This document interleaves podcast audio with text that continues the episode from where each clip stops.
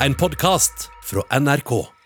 Gullfeberen herjer. Nå er det altså medaljer og gullfeiringer og kakefest hver eneste dag. Og det er fortjente gullmedaljer av folk som på en måte har trent for dette her og hatt gull i sikte i mange år.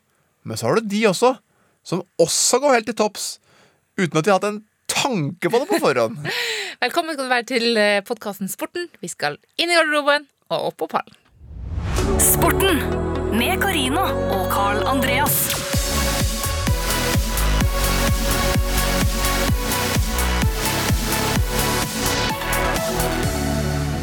Kjenner du litt på gullfeberen? Eh, ja, altså, det er jo veldig gøy med gull. Og så er jeg, du vet, jeg er så rar vet du, at jeg syns det det er gøy når det er spennende òg. Så derfor syns jeg ikke det bare er gøy hvis, på en måte, ting, hvis vi forventer å vinne, og så gjør vi det. Eh, Men, men ja, det er gøy å vinne, ja. Ja, Vi skal jo inn på en sti her, fordi vi har invitert en, en eh, gjest til studio i dag. Hun har gått så fort på skøyter at alle har henne eh, på leppene nå. Og det, altså For fire, fire dager siden så hadde hun knapt nok gjort et intervju. Altså Ikke snakka med noen, ingen var interessert, veldig få så på, veldig få brydde seg. Og plutselig så vil alle ha tak i henne. Hun skal hit, hun skal dit, hun skal kanskje til Lindmo. altså, og da kan det koke litt, særlig når du er ung. Ragne Wiklund heter hun. Hun er 20 år. Steikende sko på skøyter. Steikende sko når hun springer med kart og kompass i skogen. Men hva gjør man egentlig da når man plutselig blir best i verden, og alle vil ha en bit av deg? Til og med de russiske sprinterne, som er på en måte de aller beste i hele verden. Ja, men bamsa. Ja, altså, nå må jeg bare lure Hør nå, jeg husker når jeg var på en måte litt sånn ung, ung og holdt på å si viril, jeg skal ikke si det, men jeg var i hvert fall ung da, og, og liksom litt interessert. Eh, og, og så da ville du Jeg jeg husker jeg gjerne ville ha et bilde av en jente, på en måte. Eh, for å ha, ha det å kunne se litt på det. Ja. Du kunne ikke si til jenta sånn Kan jeg få ta et bilde av deg? For da skjønte hun jenta at det var, at det var noe. Ja, selvfølgelig. Men det her, er her med, det her, er her med og hvis, du, hvis jeg hadde sagt sånn til deg hvis jeg har vært, Nå later du som at jeg er idrettsutøver, så er du idrettsutøver. Og så, og så sier jeg sånn Du, kan jeg få et bilde av deg sammen med meg til faren min? Hadde du kjøpt det da? Eller hadde du skjønt at det var sjekketriks? Altså, eh, jeg, hadde, hadde nok ikke tenkt at det var sjekketriks, for det ligger jo ikke Det, ligger for jo ikke la- dårlig, liksom? Ja, det er for dårlig, liksom. Jeg tror det er sjekketriks. Og vi kommer til å komme tilbake til det. For det, sånn. det, det er noe av det du- du må ut på når du har blitt verdensmester på skøyter. Og historisk grunnen til at hun er på alles alles lepper, er jo fordi at dette her var så lenge siden. Vi har ikke hatt en verdensmester på skøyter på 83 år. Altså Det er så lenge siden at det fantes ikke lyd i arkivet til NRK engang, for vi hadde så vidt starta. Så det er grunnen til alt oppstusset, og er også grunnen til at vi eh, i dag kommer til å komme inn på pallen i historiske kvinner. For det har vært en del andre kvinner òg som har eh, skapt historie. Absolutt. Eh, en av dem som skal skape historie framover, det er jo eh, frøken Anna Olseth Hovda som ligger på armen min her. Eh, Hun har hører akkurat levert. og har levert til gangs med det hun skal gjøre. Ja, og da ble det ny bleie. Den ordner vi alltid i studio. Vi ordner absolutt alt. Men det er altså hun som smatter her. Det er ikke verken meg eller Karl Andreas eller Ragnhild Wiklund. Nei, men det må smattes litt, vet du. Skal det bli, Skal det bli noe næring, så må det til. Hun har iallfall eh, fått eh, eh, sport inn med morsmelka, det kan vi slå fast. Og, og nå har hun fått en del medietrening fordi hun er så ofte med her. Ja. Eh, og dermed så vet hun jo hva som kommer nå. En vignett. En vignett. Og hva føler du nå? Kjør på. Hva føler du nå? Og det er en skandale! Det er fiasko! Og da kommer tårene!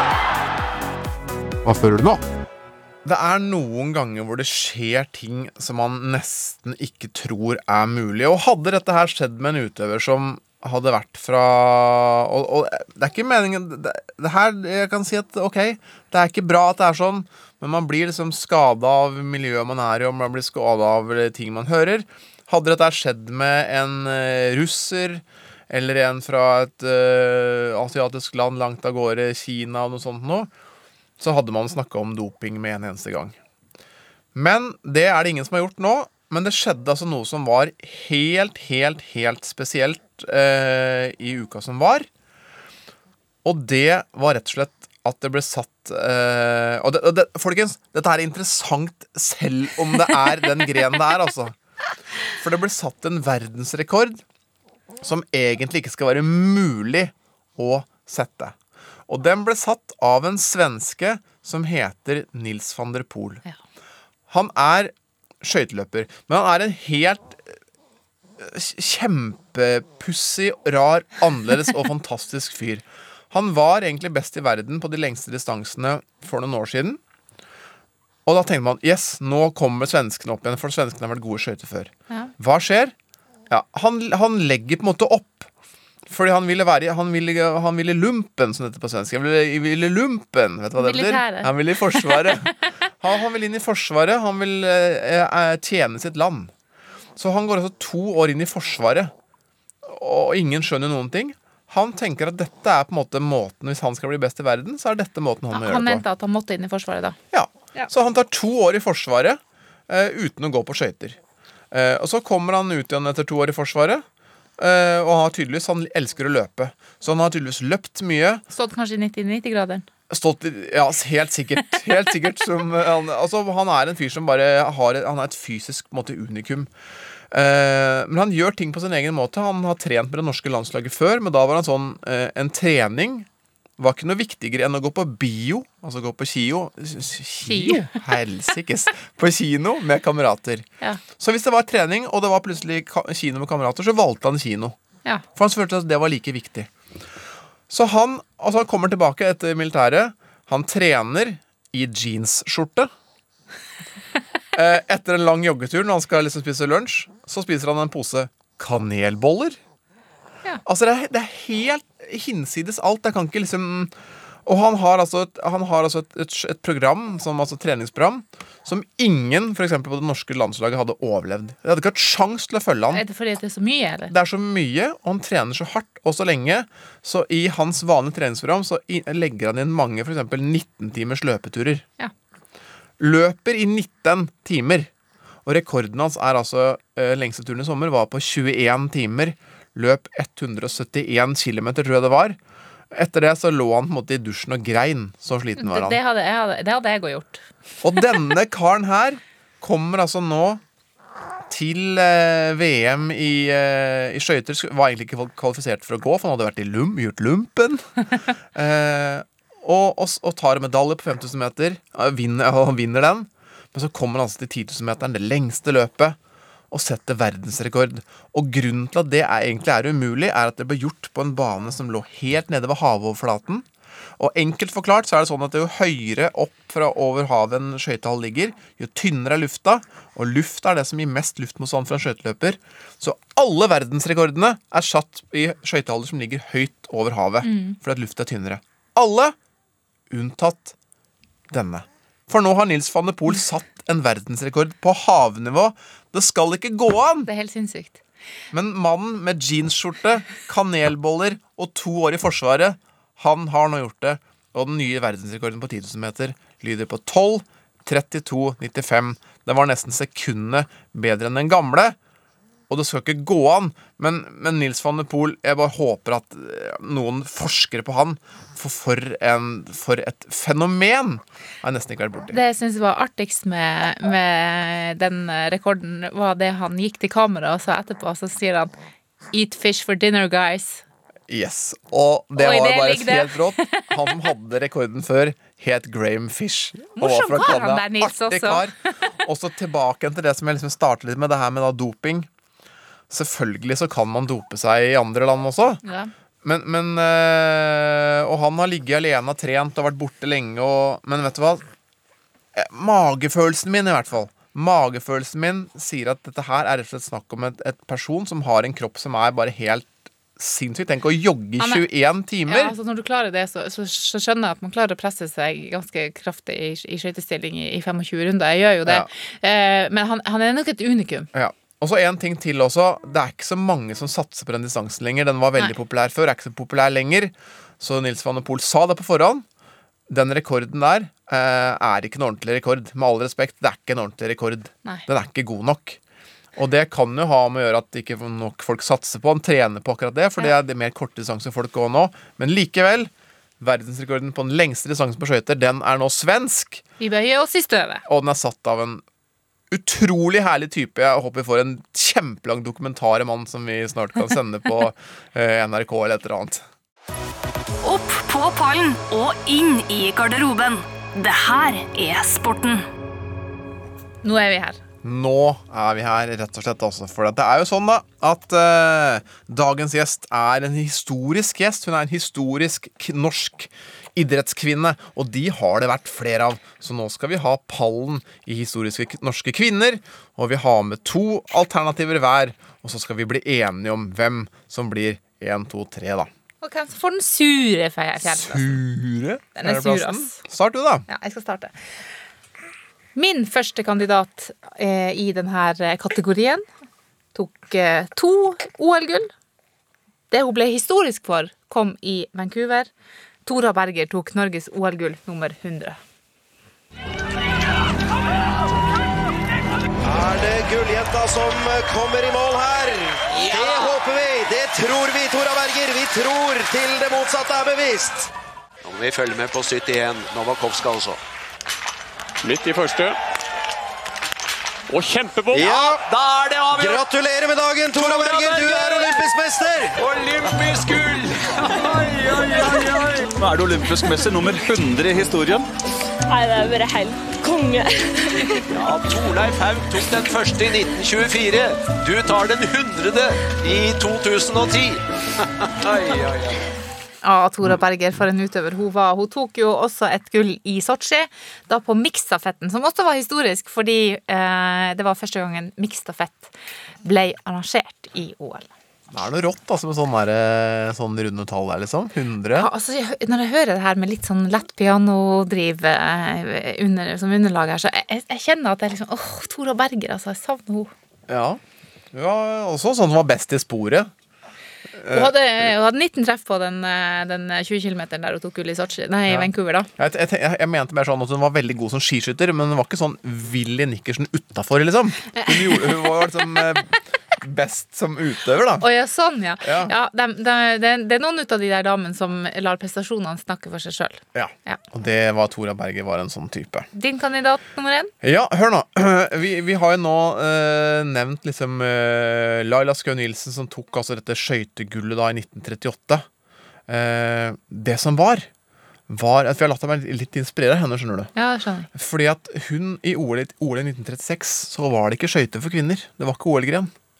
Så vet du hva hun gjorde da? Ja. Hun tok på seg slalåmski. Og tok da bronse i kombinasjonen i OL i 1936. Hun kunne tydeligvis stå på slalåm òg. Åpenbart. Og da kom jeg til mitt forslag. For det gikk faktisk 82 år før den neste OL-medaljen for en kvinnelig norsk alpinist skulle komme.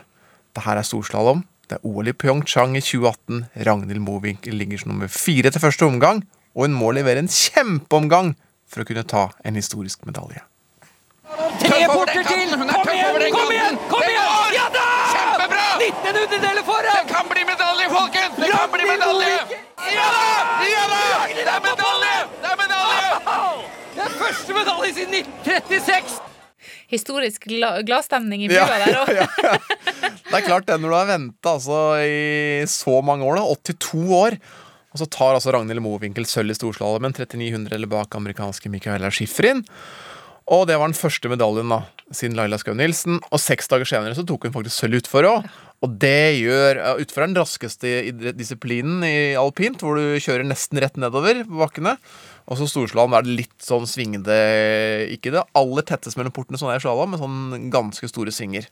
Og, og hun tok sølv også i utfor. Og dermed er hun tidenes mestvinnende vinterolympier. På kvinnesiden i alpint har hun to medaljer. Helt nydelig. Eh, vi skal holde oss eh, rundt 1936, og siden vi har en eh, skøyteløper som gjest i dag, så kan jeg ikke komme utenom eh, denne dama. For selv om de ikke gikk lengdeløpsskøyter, så hadde de skøyter på seg, de som sto på kunstløp. Og jeg skal selvfølgelig ha med Sonja Hennie her. Hun vant altså tre OL på rad, gullmedalje, i St. Moritz i 28, i Lake Placid i 32 og i Garmisch-Partenkirchen i 36. Hallo, Garmisch-Partenkirchen, Oslo. Den forestående nest siste store prøve for norske er Garmisch, er hennes spesialløp for det olympiske mesterskap. Hun kommer ut på banen i en lilla kjole med gråaktig overtrekk. Lutttoppet, nydelig, Geilo-spinnet, hennes nye øvelser. Og derfra Geilo-spinnet ned i korketekkeren. Opp igjen og i mølle. Strålende øvelse. Noe nytt for publikum her. Hun finner stadig på noe som kan bringe avveksling. Altså, den, den kommenteringa har jo Altså, utvikla seg Ja, lite grann. men det der syns jeg var nydelig å Ja, høre på. Nydelig. Det er helt fantastisk, da. Sonja Hennie hun altså, tok eh, som sagt tre OL-gull, men i tillegg så vant hun jo eh, VM ti år på rad. Eh, det første i 1927, og da var hun 14 år. Helt vilt. Eh, og i tillegg da så var hun jo Det, det skal jo ikke telle med i denne kåringa, men hun gjorde jo en eh, fordi at etter OL i, i Garmisch så, så gikk hun fra å være amatør til proff, og dermed kunne hun ikke delta der lenger. Men hun livnærte, livnærte seg altså som eh, skuespiller. De aller fleste rollene hun hadde, eh, handla naturlig nok om eh, eh, folk som gikk på skøyter på is. Eh, Og og det var hun god til. Og så flytta hun hjem til slutt, eh, og da vet vi jo alle om Henny Onsdag kunstsenter, der vi finner masse fine bilder og bragder som hun har gjort. Jeg er ganske fornøyd med den, eh, den, Ja, eh, for, eh, for en legende. den Det alternativet da til Ja, pallen, veldig, kan du veldig si. bra alternativ. Eh, liten sånn fotnote bare. Vet, hvis du tar, eh, vet du hva du får ta hvis du tar For du nevnte jo Garmisch-Partenkirchen, var vel det vi hørte lyden fra? Ja. Vet du hva du får hvis du tar det i Google Translate og tar det over til engelsk? Nei. det, har nemlig Erlend Lo gjort, og, og, og det er navnet på boka. Og da, boka heter altså uh, 'Mixing Part Churches'. Det visste jeg ikke. Gøy. Har ingenting med denne saken å gjøre. Hvem er, men hvem er din uh, siste kandidat? Eh, Jeg holdt på å si Det er veldig flott at vi har så mange kvinner på pallen, men det er jo ikke så rart. når vi har Skulle faen bare mangle. Men uh, vet du hva? Dette her er altså en uh, Nå er hun 44 år. Er fra Sandefjord. Hun heter Marit Strømøy og var den første norske kvinne som noensinne vant et løp i båtsportens Formel 1. F1 H20 heter det. Det er altså de båtene som går absolutt sånn raskest med én fører. Og så bråker de noe Eh, sinnssykt. Bråker noe helt sykt. Båten har mer enn 400 hestekrefter. Og den akselererer altså fra 0 til 100 km på 2,5 2,5 sekund. Og når det gjøres på vann, så er det helt sinnssykt. Norske Marit Strømøy tok sin første seier i et Formel 1-løp i De forente arabiske emirater i dag.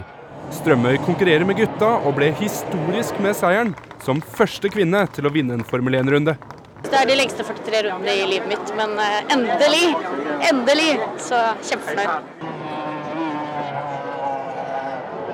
Ja, vet, det her er noen år siden, altså, men uh, dette her er jo da guttas uh, sport. De har vært i alle år, men hun har kjempa seg å stå på og, og fortsatt liksom holde på med å skape et, nå, et norsk lag og kjøre Formel 1. Det er kult når det er en uh, Ja, det er dame som bare holder ut og holder de gutta på plass. Og Altså. du, du, du skal, du skal eh, ha kontroll på nerver og, og følelsesliv når du setter deg inn i en sånn båt og kjører så fort på, på vannoverflata. Altså, Ja, det er, helt, det er helt rått. Så øh, åpenbart helt rå på de greiene der, da. Og så er det, orker hun å kjempe mot øh, systemet som har gjort at der er det bare herrer som har dominert. Så ja, det var mitt forslag nummer to. Så nå skal vi bli enige. Sonja Hennie på toppen der, eller? Ja, vi må det. Ja. Det, er ikke, det er ikke noe vei utenom. Jeg får nesten litt sånn dårlig samvittighet for Laila Skau Nilsen nå, for hun hadde på en måte fortjent å være på pallen, nesten, Ja. men hun er jo den vi sammenligner med hele tiden. En annen en som jeg har bare lyst til å nevne her i denne sammenhengen, og som jeg selvfølgelig hadde tatt med hvis at hun hadde hatt norsk stats konkurrert for Norge, så hadde det jo vært eh, denne Mildred Ella Babe Didriksen, som Ja, ja, jeg en gang prøvde å, lære meg om. Men uh, hun, um, da Sports Illustrated kåra uh, tidenes beste kvinnelige idrettsutøvere i 2000, så var jo Babe Didriksen nummer to, mens Sonny Hennie ble nummer fire. Nettopp. Så liksom for å rette opp for det, da, så kan du Ja. løfte vi sånn i hendene på kan, vi, toppen. vi tar opp på toppen. Ja. Enstemmig vedtatt. Ja, det syns Yes. jeg. Eh, jeg syns jo at på en måte eh, At Ragnhild Mowinckel òg syns jeg på en måte er, er veldig interessant. da altså, Hun har jo liksom måtte jo delvis Altså Vi har jo, har jo slitt i fartsdisipliner forever, liksom. Ja, men hun tok ikke gull. Det gjorde Tora Berger. Ja, Men det var i skiskytinga. Hvem er det som driver med skiskytinga? He hele Europa. eh, hele Europa. Ja, så det liksom gull Så nummer vi skal ha Tora Berger som eh, på sølv, da. Altså, Det er jo mine to kandidater. Jeg mener jo de skal være sølv og gull, men eh, vi kan godt krangle. Ja, nei, du kan få det. Så, ta, så da får jeg eh, Ragnhild Mowinckel på bronse. Ja, det er Eh, det syns jeg faktisk er greit. Så da, men da, da mangler hun gull. Men det kan hun ta i neste OL. Absolutt. Har hun fått bronse hos oss, eh, og sølv i OL. Beijing 2020, nei 2022. Da er det duka for Mowinckel på topp. Men det betyr at eh, vinneren hos oss i dag, det er altså Mesdames et messieurs, médaillé d'or. Ladies and gentlemen, gold medalist. Sonja Hennie som får gull i vår eh, kåring og vinner en reise til Mixing Part Churches. Veldig fortjent uh, førsteplass til meg. Nei, unnskyld, til uh, Sonja. til min kandidat Sonja Hennie der. Uh. Men nå må vi rette fokus hjemover igjen, fordi vi skal snart få gjest hit. 20 år gamle Ragne Wiklund fra Oslo. Tok gull på 1500 meter eh, på enkeltdistanse-VM i Heerenveen eh, i en tid hvor skøytesporten trengte det som aller, aller mest. Absolutt. Og hun har jo altså bare vært på en måte 20 år gamle Ragne. Ja. og det er det hun har vært. Og å ha en sjuendeplass i verdenscupen eh, som sitt beste resultat, og, og det er nok kun bare de skøyteinteresserte som har visst om. Plutselig så er hun verdensmesteren, den ukjente verdensmesteren som ingen, av, ingen har hørt om, ingen har uh, snakka med før. Men snart skal hun snakke her hos oss. Og det er jo ikke så rart at hun, som for fire dager siden eh, fikk trene og styre og holde på litt i fred, knapt nok gjort et eneste intervju. Nå skal alle ha tak i henne. Det er ganske overveldende for en, en 20-åring å skulle bli oppringt av Lindmo. Ja, Men da må det være greit å varme opp her, da vel? Absolutt. Sporten med Karina og Carl Andreas.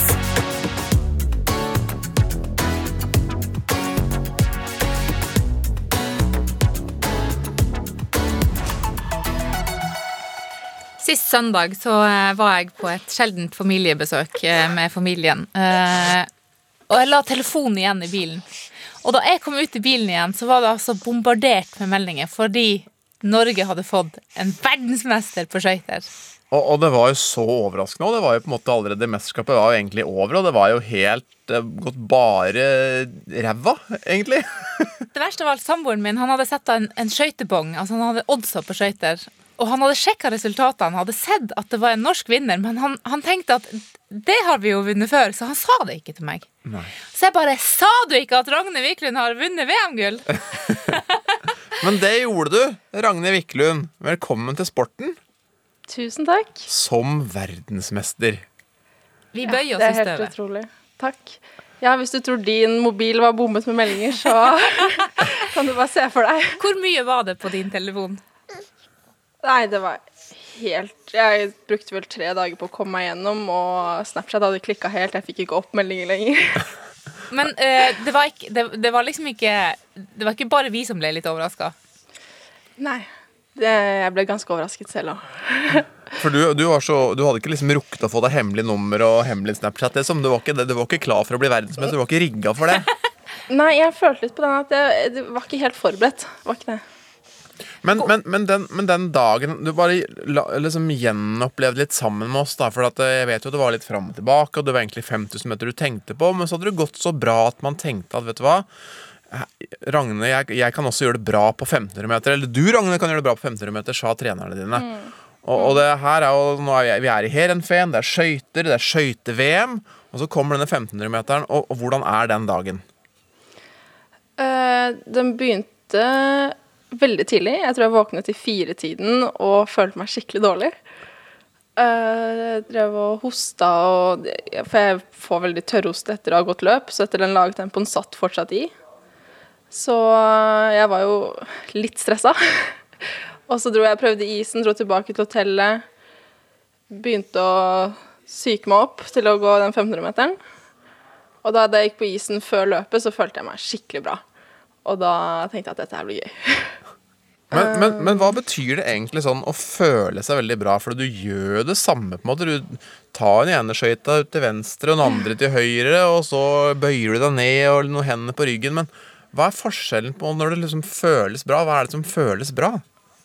Uh, det er at jeg treffer på timingen mye bedre, så i svingene så følte jeg at jeg kunne flyte på farta, få meg masse fart ut. Og hvis du har en litt dårlig feeling, så føler du at det blir litt mer sånn hakkete, da. Men uh, uh, vi hadde jo en gjest her for, uh, for en stund siden som sa etter sin første store internasjonale prestasjon, så sa han 'jeg er det neste'. Det var det Lukas Bråten Mm. som sa. Det er jo ikke alle som hører på, som vet hvem Ragne Wiklund er før hun ble verdensmester. Hvem er du? Ikke sant. Det er det mange som skal vite nå, fordi de ikke har hørt om meg før. Men jeg, jeg vet ikke. Det er et veldig dypt spørsmål. du men du, vil, du er ikke den typen som sier at du er den neste? Selv om På du kanskje måte. er det? På ingen måte. Jeg trodde nesten at du calla det da jeg hørte den forrige podkasten, og så sa du at du skulle til en skøyteløper, og så valgte du Peder istedenfor meg. Å nei, det er flaut! Det var veldig close. Oh, tenk hvis jeg hadde kunne tatt den kåringa nå i, i dag. Da hadde, da hadde det ikke blitt Peder. Men, men det kom altså ikke, ikke ut av det blå, kanskje. Men jeg skjønte at du har blitt bedre og bedre, og, og fått høre at du har blitt bedre og bedre.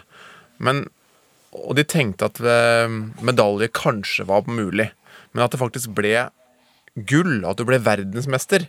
Altså, hvor overraskende var det egentlig?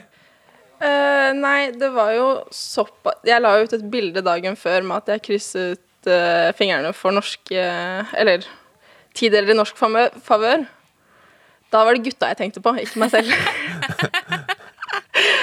I hovedsak. Men uh, ja, nei, jeg har vært ca. to sekunder bak gullet i alle de tidligere løpene denne sesongen. Så jeg så at det var et langt steg opp. Så ja. Men det gikk. Det gikk, og det er det viktigste. Men da er det én ting, for nå har du også blitt verdensmester eh, og kommer til å bli huska for evig og alltid for det.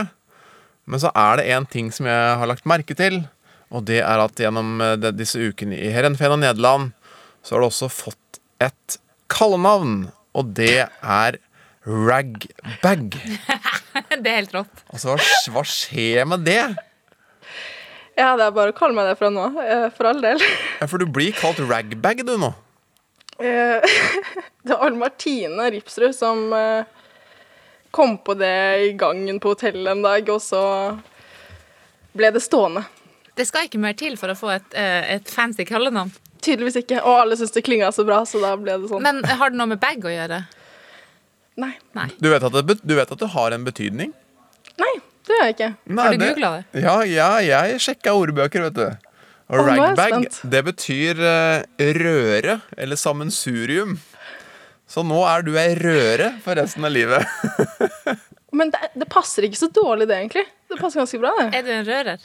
Jeg surrer litt. Hva, hva surrer du med? Nei, bare at jeg, har, jeg må sjekke veldig ofte hva jeg har med meg før jeg skal til banen. Uh, både før jeg drar og i bilen. Så jeg er litt surrete sånn sett. Ja, for du er, du er egentlig ikke glemsk, men du er redd for å glemme ting. Kan det stemme? Veldig, ja. Og, og, hva, hva, hvilke situasjoner kan du havne oppi da? Uh, nei, si det. Jeg Jeg sier jo hele tiden Åh, nei, nå tror jeg at jeg har glemt trikoten min. Og så sier Ida Hvor mange ganger har du glemt trikoten din? Ingen, men det kan skje. Hver gang. Og da stopper du bilen, og så går du bak og sjekker. Ja. Men, for du har aldri glemt trikoten? Mm, Nei. Men eh, ja, når jeg har bodd i Stavanger nå, så er det en Rema 1000 ja, to minutter unna der jeg bor. Så der stopper jeg da, og så sjekker jeg at jeg har malt, og så kjører jeg til trening. Den eh, faste taksten med å stoppe på og sjek, Sjekkestoppen på Rema? Ja, og hvis jeg ikke sjekker, så har jeg en mental kamp med meg selv hele veien. Altså Ida Njåtun, da, som du snakker om, er jo da en av dine lagvenninner på, på landslaget. Er det hun som på en måte er, Hun er jo litt eldre enn deg, da. Og så må hun passe litt på deg, eller? for du er jo ung. Du er en av de yngste på landslaget. Eh, ja, jeg føler jeg har blitt mer rutinert nå, men eh, jeg er glad for at eh, hun har vært på laget de to siste årene. Vi, må jo dykke litt ned i det her med orientering. uh, for du er jo på landslaget, eller det som kalles next generation på, på orienteringslandslaget. Hva som er satsinga di av skøyter og orientering? Ja, ja, det er jo skøyter, jeg må jo si det. Eh, selv om det gjør litt vondt å si det. Ja, fordi nå når, når de andre skøyteløperne uh, tar ferie etter en, en usedvanlig kort, kjedelig sesong, så skal, du, så skal du på samling igjen. Ja, jeg håper det i hvert fall. Uh, jeg vet ikke om det blir internasjonalt nå, sånn som det er Men det ligger i hvert fall an til at det blir samlinger i mars, så det gleder jeg meg veldig til. Hva tenker du om ferie? Det er jo det de andre da skal ha. Ja, men det blir jo på en måte min ferie, da. Å være på landslagssamling i orientering. Ja, Det er såpass ah, forskjellig fra skøyter, så det er greit. Men det er ganske mange timer trening det, du må legge opp til der. Det kan hende, men ja, det er verdt det. To veldig forskjellige idretter. Eh, og så har vi eh, Vi har jo jobba en del med skøyter, og, og for dem som hører på, så kan vi jo fortelle at, at skøyteløpere, når de springer eller når de jogger, så, så er det så vidt de eh, så vidt de beveger på seg, faktisk. Det ser ut som eh, Hva det var, hva det var Kåss kalte det for? Ja, Jeg hadde jo han Olav Koss på besøk og sa vi, vi løper jo som ender med rumpa ut, og vi må bare slutte med det. Men du Mm. eh, lykkes faktisk med å løpe. Eh, hva, hva, tenker du om det? Kombinasjonen liksom løping og, og skøyter som eh, åpenbart fungerer for deg, da? Ja, for meg så føler jeg at jeg får eh, veldig bra avbelastning når jeg løper, sammenlignet med det å sykle. Eh, da jeg føler at eh, jeg kan riste ut mye mer når jeg løper. Eh, men så har jeg jo en liten guilty pleasure i å jogge sånn som skøyteløpere gjør noen ganger òg. Altså, Hva gjør du da? Du stikker rumpa ut og later som du ikke kan løpe, liksom? Ja. det hender jeg gjør det.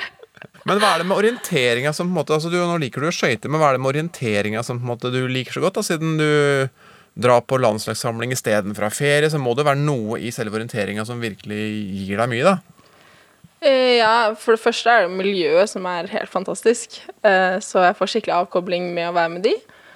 Og så når jeg løper orientering, så Det er noe annet enn å bare løpe langtur, fordi man må konsentrere seg mye og Jeg er på en måte Jeg får fri.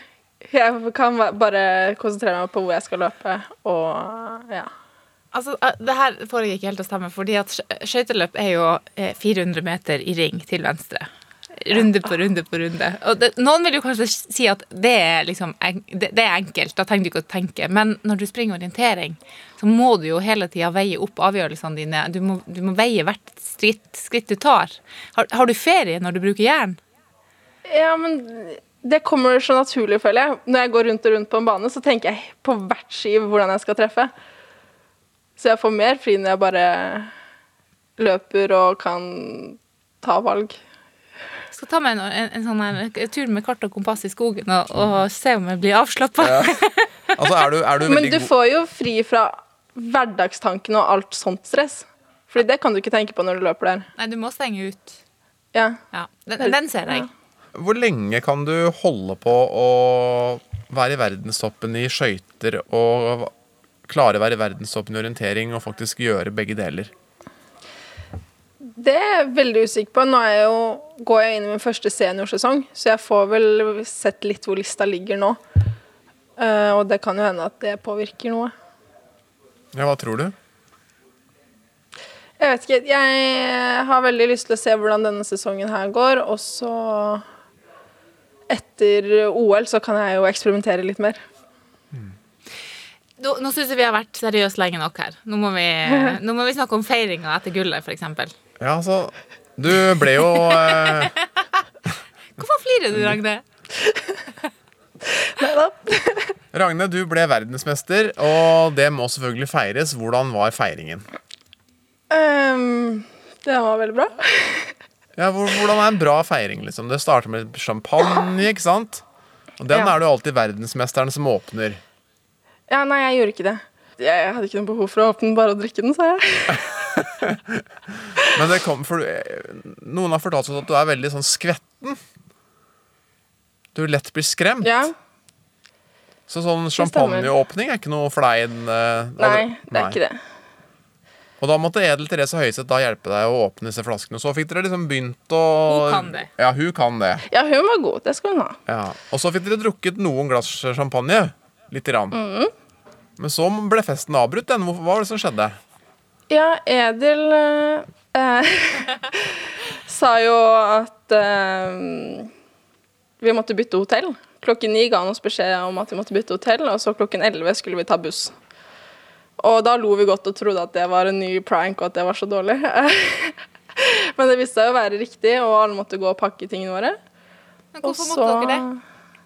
Nei, det var vel fordi vi hadde sommerdekk. Og det skulle bli glatt på veiene til dagen etterpå. Så det var den festen, tenkte dere. Det var det. Fader. Men eh, så fikk dere ut i bilene med sommerdekk og kjørte til flyplasshotellet i Skiphol. Og mm. tenkte som sagt at festen var kanskje over. Men var den det? Ja, han var vel kanskje ikke helt det. Nei, for hvem var det dere møtte på hotellet? Ehm, der var jo de andre som har bodd på andre hotell, da. Ja. Uh, russerne og Canada.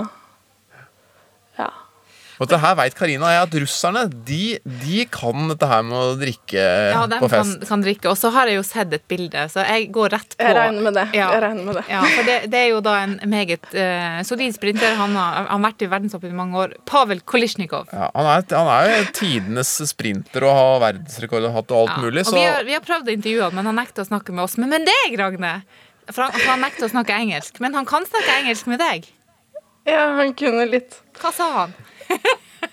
Nei, eh, han ville ha et bilde til faren sin. ja. Til Faren sin. Eh, ja, til faren sin. Så da ny. stilte han opp i baris. ja. Eh, Dette her med å si at man vil ha bilde man vil gjerne ha bilde sammen med andre jenter, og så sier du at det er til faren. Er, kjøpte du den forklaringen? Jeg turte ikke å si nei, for det var fire andre store russere som sto der. Ja, men det ble bare et morsomt bilde, da. Så han eh, han, øh, han, han liker deg, eller, eller faren hans liker deg, da, for å si det sånn. Ja. Ja. Så det er hyggelig. Det er jo Alltid hyggelig med, med pappa Kolysjnikov borti, borti Russland der. Men jeg skjønte at det var også for russerne. De som sagt, de har vi nevnt, de kan jo liksom dette her med å feste. Og nå var jo sesongen over, så da er det jo lov å ta seg en ordentlig fest også. Så, mm. så dette her fortsatte, og så havna dere på et rom der. Fort, fortell litt åssen stemningen ble på det rommet. Nei, det var vel Arifejev, han sprinteren, som inviterte oss inn på hans rom. Jeg endte opp egentlig med å gå, fordi jeg dro da til Edel og Jonas isteden. Og så ringer Sofie meg og sier at vi er jo på mitt rom. Det hadde ikke jeg enset da vi gikk inn der første gangen. Festen var på ditt rom? Ja. Så da jeg kom opp igjen, så var jo alle der.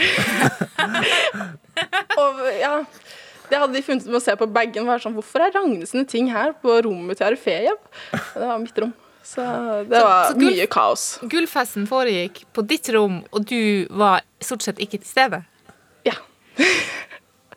Eh, her, her må jeg bare si da at uh, denne russeren russiske sprinteren, han, han prøvde desperat å forklare for de andre på laget ditt at det, uh, Ragnes room, Ragnes room. Men, men de uh, tenkte han her er så drita at han stoler vi ikke på i det hele tatt. Uh, men han hadde altså helt rett. Det var ditt rom. Det var mitt som- rom. Ja. Fikk, fikk du dem ut til slutt, eller?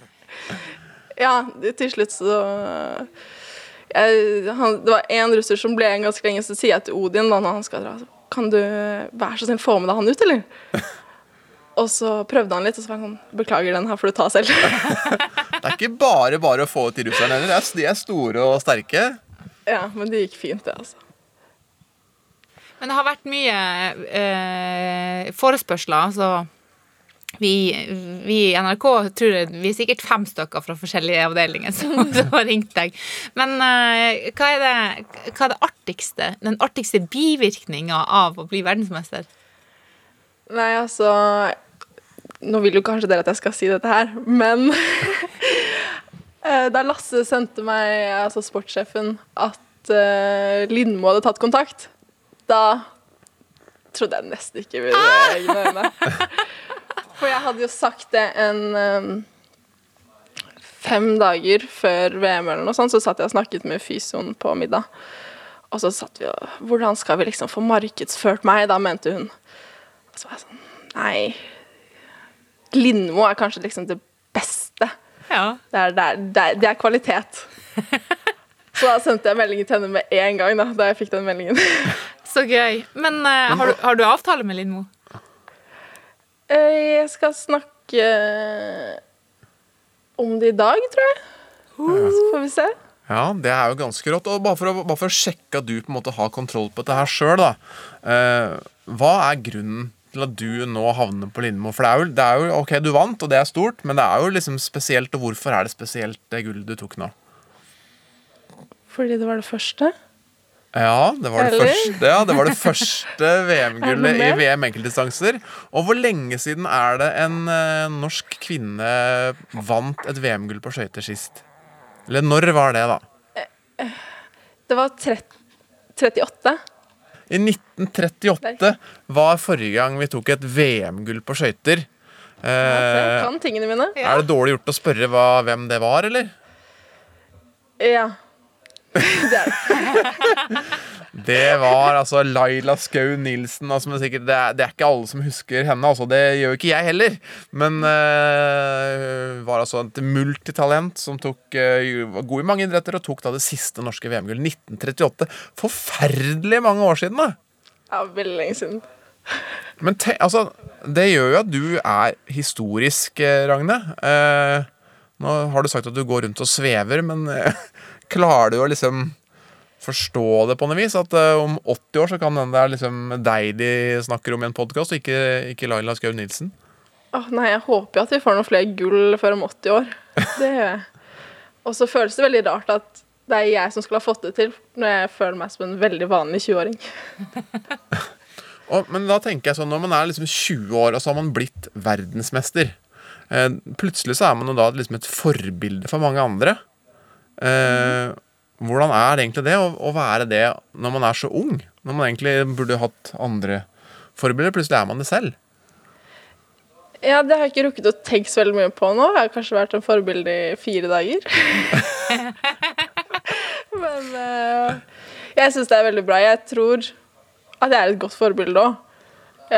så det syns jeg er fint. Hva er det med deg som gjør deg til et godt forbilde? Nei Det er vel eh, Jeg er ikke så cocky, kanskje. Det, det kan du signere Som mange på. andre i at, liksom, at det er lov til å Ja. Gjøre flere ting, og at man kan lykkes med en annen vei til toppen, da. Altså Man kan være god og bare være vanlig, på en måte? Ja. Ja. Jeg lurer på en ting. Du skal altså snart på Lindmo, da. Hva er det du skal melde på Lindmo nå? Hva er planen din nå? Hvilken eh, story skal du dra der? Hvilken joke skal du ta, liksom? Oh, nei, Det har jeg snakket med fysioen min om. At hun må hjelpe meg med å finne på en eller annen dyp historie om meg selv. For det er jo ofte så dypt på Lindmo. Vendepunktet i karrieren, og hva var det som gjorde at du, det snudde? Ikke sant? Jeg må prøve å ikke framstå som bare en bortskjemt tenåring fra Nordberg. Ja, Hva har dere kommet fram til? Hva, hva, hva, kan dere, hva kan den dype historien være? Nei, jeg vet ikke. Hun jobber med saken, tror jeg. Så dere får vente og se. altså hun skal finne på noe, eller? Nei da, vi skal nok ikke det.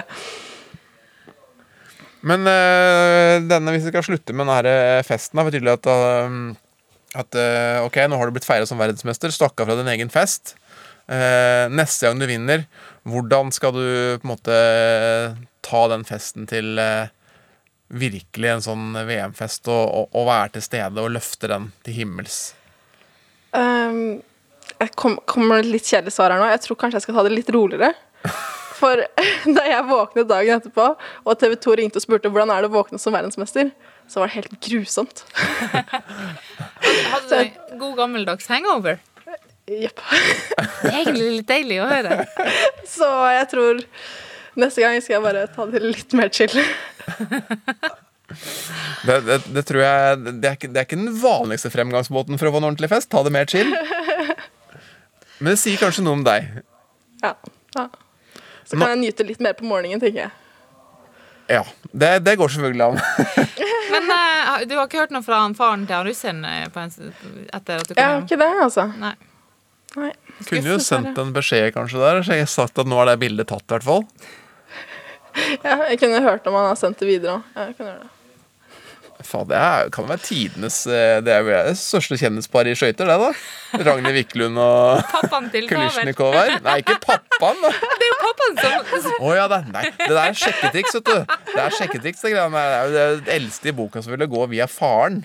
Du De så ikke faktisk på starten min på det rommet der, og så lo de av 500-meteren. De flirte. ja, det er jo de raskeste sprinterne i verden. og syntes at du var treig. Jepp. Ja, ja, men bildet vil de ha, i hvert fall. Ja. Bildet vil de ha. Ja. Og det er mange, jeg har fått mye spørsmål om det bildet òg, så det er fint, det. Ja, men det er ikke noe, det er ikke, det er ikke noe mellom Du kan avkrefte ryktene. Jeg avkrefter det med en gang. Og så sier jeg bare 'to be continued', sier jeg bare det. Lykke til, og takk for at du var med. Tusen takk, det var veldig hyggelig. Vi må, vi må ikke hause opp forventningen til Ragne Wiklund for neste sesong. Jeg kjenner det litt på meg. Ja, Hun må i hvert fall få tid, for hun er jo bare 20 år gammel. Ja, men eh, om et år er det OL. Kan jeg, bare fordi, nå skal jeg passe litt på at ikke jeg blir sånn på en måte, at ikke dette blir Husker du Finn Kalvik-nyhetene? Nei, det er kjempegammel det referanse. husker ikke jeg. Jeg må passe, det, det var kjempe Seriously? Ja, sorry, sorry, er verdens gamle referanse. Jeg må passe på at ikke jeg blir sånn Laila Skau Nilsen-nyhetene, men jeg vil bare si at det er to rekorder igjen som det er mulig for unge jenter der ute å slå. Eh, for nå har vi altså slått den rekorden hennes. Altså, vi har fått en verdensmester på skøyter. Ragnhild Lovinkel har tatt den medaljen i alpint. Eh, Hun har også vært på håndballandslaget, Laila Skau Nilsen. Det, det har vi også hatt andre jenter som har vært, men det er to rekorder igjen. Hun har nemlig 86 NM-titler i tennis. Den er det mulig for unge jenter der ute å slå. Og så er hun den eneste norske kvinne det her synes jeg er det tøffeste, som har kjørt rally Monte Carlo. To rekorder igjen. Altså to rekorder som Laila Skaug Nilsen har satt. Ja, som det er mulig å slå. Rå dame, altså. Fyttegrisen, rally Monte Carlo. Kan ikke du kjøre det, så blir du den andre? Da kommer jeg på Lindmo. Du liker å kjøre bil, da. Jeg liker å kjøre fort òg. Men jeg skal ikke til noe rally. Jeg lover deg, Anna. Jeg skal ikke kjøre rally Monte Carlo. Eh, men eh, vi snakka jo om Lindmo her. Eh, hun skal ikke ha TV-sending i dag denne uka fordi hun er rett og slett eh, sykemeldt. Men i den anledning så har jeg lyst til å anbefale podden hennes. Det er morsom, den. Hun, hun er faktisk enda mer morsom der enn på TV. Ja, for der, der kan det liksom slippe litt løs. Ja, Kjenner, kjenner du deg igjen i det, eller? artigere å være morsom på, på, på pod. Men du finner iallfall den på NRK Radio på, mm, på nett. Mm. Men, er- men øh, vi, og vi som så det, sier nok mer her enn det vi gjør på TV. Eh, Absolutt. Men vi hadde ikke fått til det uten teknisk ansvarlig Ida Larald Brenna og produsent Geir Elle. Det hadde vi overhodet ikke. Ikke i det hele tatt. Sjanseløs hadde vi vært. Eh, vi hadde faktisk blitt litt bedre hvis vi hadde fått noen flere e-poster. Ja, og da kan du sende eh, mail til sportenpod at nrk.no med gode forslag om eh, tema, spørsmål eller morsomme gjester. Anything. Alt. Det var det. Vi snakkes. Ha det. Ha det. Du har hørt en podkast fra NRK. Hør flere podkaster og din favorittkanal i appen NRK Radio.